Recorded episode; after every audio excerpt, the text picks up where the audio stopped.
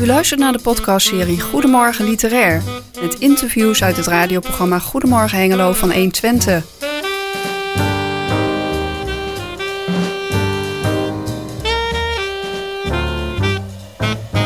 In deze aflevering hoort u Jos en Chris in gesprek met Mariska Overman over haar als e-book uitgebrachte roman Het Balboekje. Mariska, welkom in het programma. Uh, je zei net tegen mij van ja, eigenlijk vind ik het geschreven uh, op papier natuurlijk uh, ja, voor mij een, stukje mooier en spannender. Maar e-books is iets wat, wat we niet meer kunnen wegcijferen uit de huidige lezersmaatschappijen. Nee, klopt.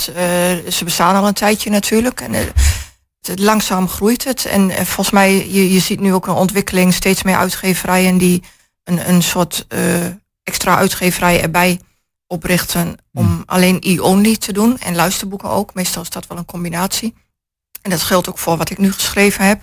Dus die komen ook niet uit als paperbacks of hardbacks. Die, die blijven alleen digitaal beschikbaar. En die worden ook in uh, streamingsdiensten hmm. gestopt, zoals uh, Kobo Plus. Dat is zo'n uh, streamingsdienst waar mensen abonnement op kunnen nemen. En dan kunnen ze alle boeken die daarin zitten onbeperkt lezen. Hmm beetje vergelijkbaar met Netflix, maar, maar dan voor boeken. Zeg maar. Ja, en nu ga je voor je boeken, uh, soms, niet altijd, ga je op locatie. Ja. ja je bent in Weimar geweest. Ja. Uh, en uh, ja, dan zeg ik van oké, en voor de, voor de boeken die wij nu gaan bespreken, de, de e-books, ben je ook op locatie geweest. En die locatie die die is? Wenen. Wenen. Wenen en dan en als mensen over Wenen praten, en dan hebben we het over een willekeurige generatie die boven de 35, 40, 50 is, dan zien we natuurlijk de verplichte nummers van tijdens de kerst van Sisi. Ja. De, de, prachtige stad eh, die ademt uit van een aantal jaren geleden. Ja. En is, is dat zoiets van, uh, ik ben naar Wenen gegaan en ik koppel mijn verhaal aan Wenen, of ik heb mijn verhaal klaar en ik wil de stad zien waar ik het zich afspeelt? Nee, ik, ik begin met naar een stad gaan. Ja? De, de, de, eigenlijk begint het heel simpel met ik wil die stad graag zien en wat zou ik daar dan over kunnen schrijven. Ja. Aha. Uh, dat is een beetje wat meestal gebeurt en dat was in dit geval ook. En hier kwam vooral, ja, het is bijna onvermijdelijk met zo'n stad als Wenen, het, het Sisi-gevoel, het, het, kleine meisjes, prinsessengevoel, zeg maar, dat kwam heel sterk naar boven. En de, de, romantische ideeën, de, de, de bals, het zwierige. dus ja, ja, ja, even een domme opmerking tussendoor. Heb je zelf nog een mooie jurk aangetrokken toen je er rondliep? Nee, nee, maar ik heb wel heel, ik heb jarenlang een jurk in de, in de slaapkamer gehad, oh. die ik ooit tweedehands gekocht had. Zo'n zo ouderwetse baljurk, die ik hm. uiteindelijk weer weg heb gedaan, omdat die plek innam en ja, uiteindelijk doe je er niks mee. Ja, dat is dan, ja, dat is weer zoiets. Ah, ja, ik, ik had wel graag. Uh, maar dan, dan, dan, dan zie ik het voor me. Kijk, want er is natuurlijk ook uh, over het Wenen vlak na de Tweede, Oorlog, de Tweede Wereldoorlog is ook een hele mooie film en een boek geschreven, The Third Man. Maar jij zegt, ik, als je door Wenen loopt, ontkom je er bijna niet aan dat je over de tijd van de keizers moet praten. Over de tijd van, van de bal. Ja. Maar dat is de façade. Ja, dat is Achter die façade zit natuurlijk veel meer. En daar, daar zeg je, dat wil ik ook naar voren brengen. Ja. Maar ik, ik, hoe moet ik dat dan voor me zien? Jij zit in, ik noem maar wat, eh, een conditorij of in een hotel Zagger of in een ander hotel. Je laat het op je afkomen en zegt van dit wordt het thema? Ja, dat gaat uh, redelijk intuïtief inderdaad. De, uh, het is deels een gedachte, ik bedoel zo simpel is het ook, wat zou werken? Nou, je ziet dat series als Bridgerton, wat zich dan in Engeland in begin 19e eeuw afspeelt, mm. dat mensen dat leuk vinden. Ik vind dat zelf ook geweldig leuk en verrassend goed ook trouwens. Mm -hmm.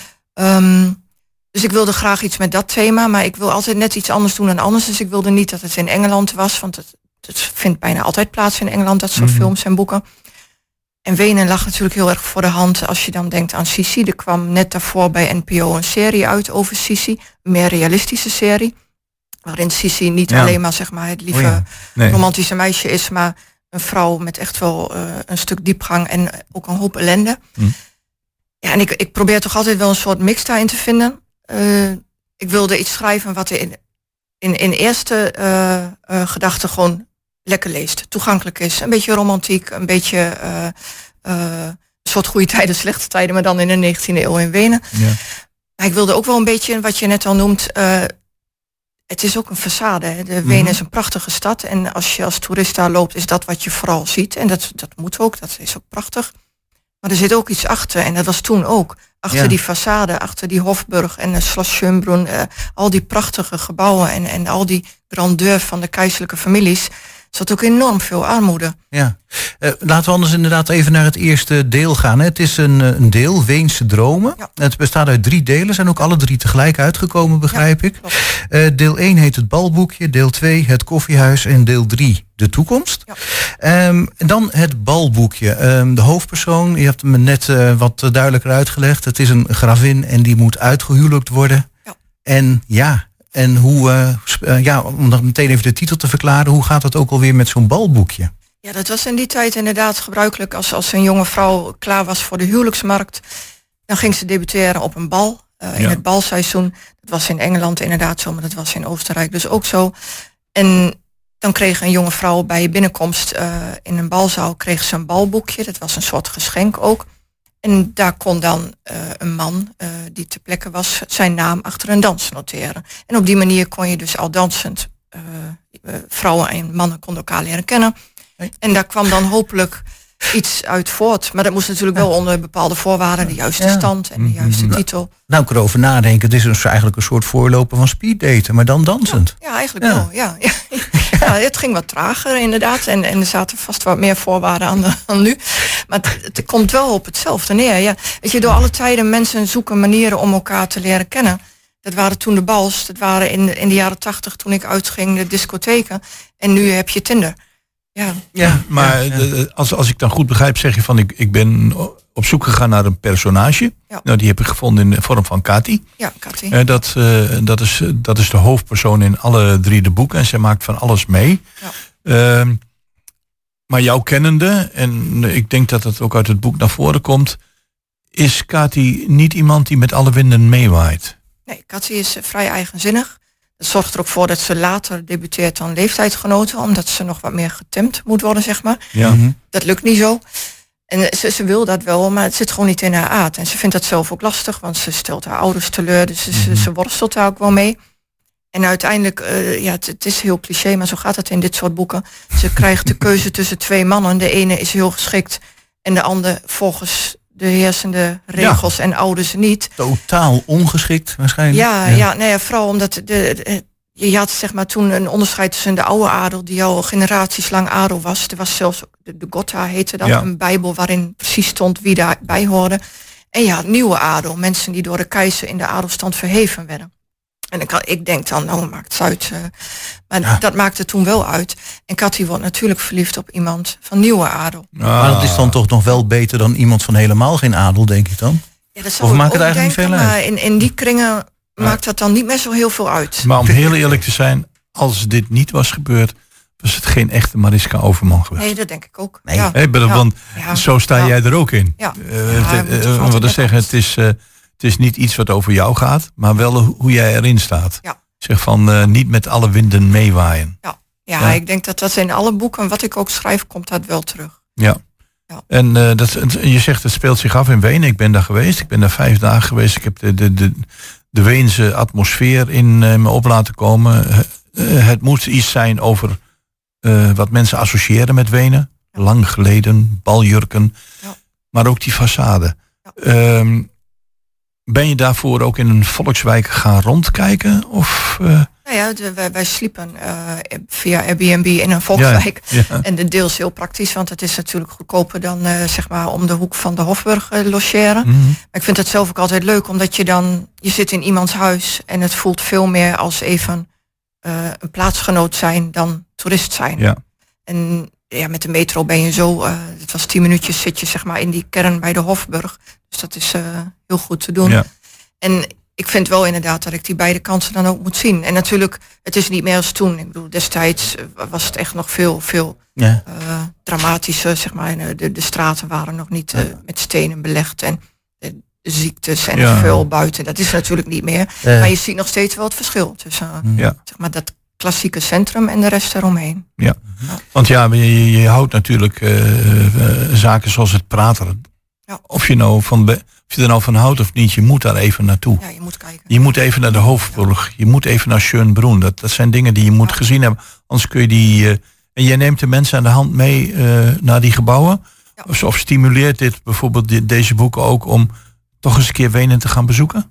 Dat hoop ik wel. Ja, ik denk wel dat, dat bij andere boeken heb ik dat ook gedaan. Ik beschrijf wel graag die omgeving in de hoop dat mensen denken van, ja daar wil ik wel naartoe. Ja. ja. Nou, en dan noem jij, Jos, inderdaad wel die, die mooie klassieke gebouwen die ook tot in de puntjes worden verzorgd. Hè. Dat zie je ook bij de nieuwjaarsconcerten. Dan is alles weer prachtig opgepoetst. Um, maar deel 2 heet Het Koffiehuis. Uh, het Koffiehuis, is dat dan meer uh, ook in, in die, die uh, zo'n huis die ergens in volkswijken staat? Of is dat, moet, moet ik dat ook wat klassieker zien, wat chiquer? Nee, dat, dat is wel echt iets van de hogere klasse ook. Oh, okay, en, ja. en dat zie je nog steeds. Ik ben ik, ook naar Café Centraal geweest, een van de, de klassiekers in koffiehuisland, ja. zeg maar. Uh, en dat was toen ook al en is nog steeds. Obers zijn ook heel arrogant daar, die, die zeggen je niks. Ja, de, de, er zit een hele atmosfeer omheen. Ja, als toerist is dat geweldig. Je, je, kunt toch geen koffie bestellen in Wenen? Nee, je krijgt geen kaart met 25 ja, soorten. Ja, ja. ja, nou ja, en, ja, dat is nou tegenwoordig op de koffieautomaat toch ook zo. Dan heb je weet niet hoeveel knoppen met de koffie, maar goed. Ja, ja, dat klopt. Ja, ja, maar dat is daar dus ook zo. En het is echt heel chic. En niet goedkoop ook, dus dat is zeker niet iets voor de volkswijken. Alhoewel, die, daar zijn ze ook al, maar dan zijn ze weer iets eenvoudiger.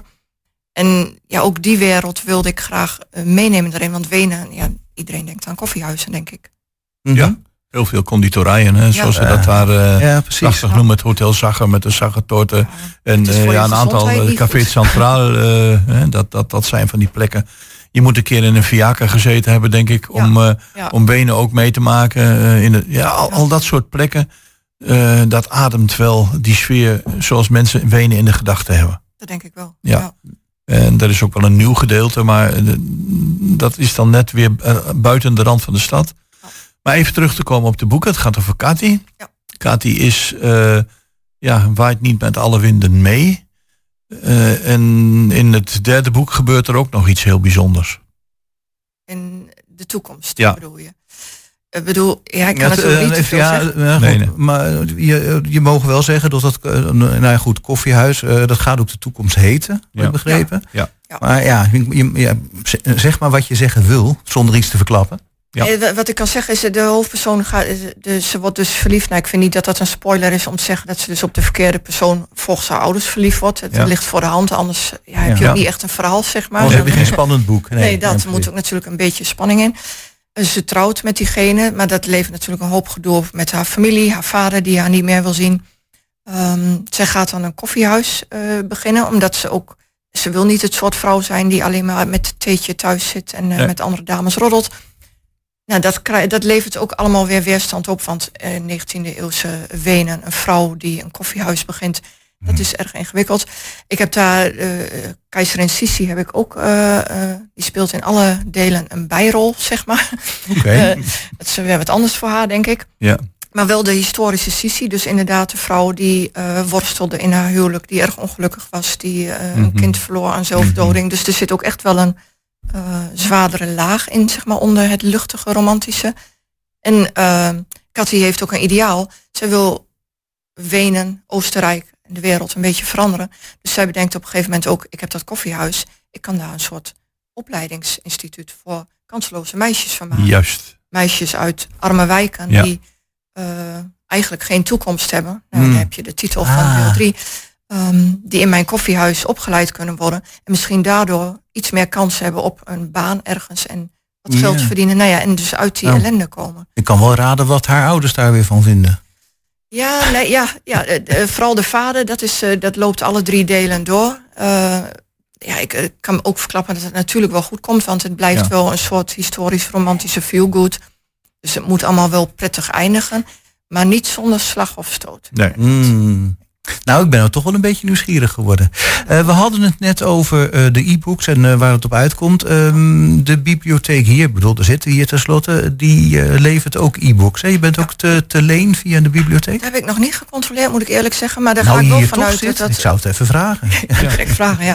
ja. ik ga er wel vanuit. Ja, het is de bedoeling dat het zeg maar op alle manieren als e-book beschikbaar is. Zowel te koop als in de abonnementen zoals Kobo als bij de Biep online inderdaad. Mm -hmm.